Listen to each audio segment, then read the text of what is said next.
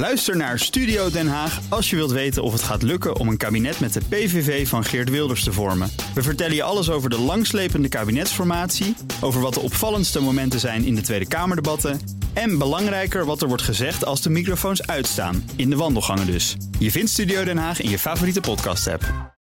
De column van Paul Lasseur. Wat een laffe chantageactie was dat van de politiebonden. Dreigen om het werk neer te leggen tijdens Feyenoord-Ajax.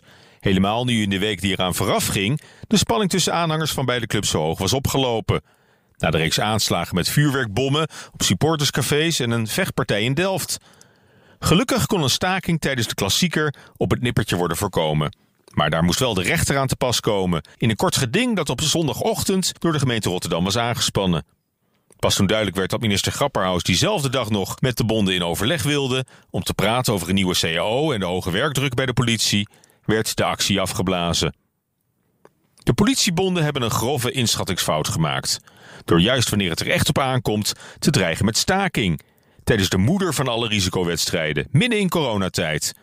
De wedstrijd werd zonder publiek gespeeld, maar je kon wel zien aankomen dat buiten het stadion, elders in de stad, grote groepen hooligans zouden samenkomen en dat alle coronamaatregelen daarbij massaal genegeerd zouden worden. Als de politie daartegen weigert op te treden, zoals de bonden hadden aangekondigd, laat je alle brave burgers van het land lelijk in de kou staan.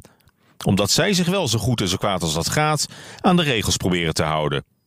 Van een organisatie die opereert onder het motto waakzaam en dienstbaar, mag je toch wel wat meer waakzaamheid en dienstbaarheid verwachten.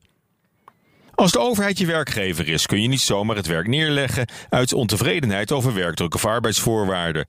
Zeker niet als het je taak is om te waken over openbare orde en veiligheid. Tot 1980 gold daarom zelfs een stakingsverbod voor ambtenaren. En dat was niet voor niets.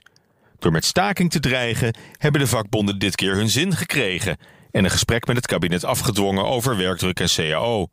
Maar ze zijn iets veel belangrijkers kwijtgeraakt. Het vertrouwen van het publiek, dat erop moet kunnen rekenen dat de politie altijd voor je klaarstaat. Het is volstrekt ongeoorloofd om de openbare veiligheid zo op het spel te zetten en zelfs als drukmiddel te gebruiken aan de onderhandelingstafel. Na ruim een jaar coronabeleid lopen de frustraties hoog op in de samenleving. Een aantal beroepsgroepen krijgt het extra zwaar te verduren. Alle respect en waardering daarvoor.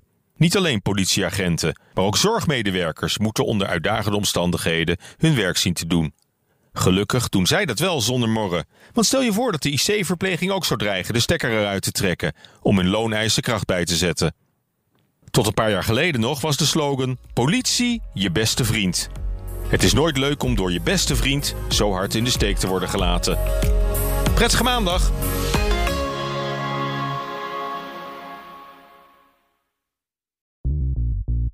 BNR ben je altijd als eerste op de hoogte van het laatste nieuws. Luister dagelijks live via internet. Bas van Werven. En heel langzaam komt de zon op rond dit tijdstip. Je krijgt inzicht in de dag die komt op BNR, het Binnenhof in Nederland en de rest van de wereld. De Ochtendspits. Voor de beste start van je werkdag. Blijf scherp en mis niets.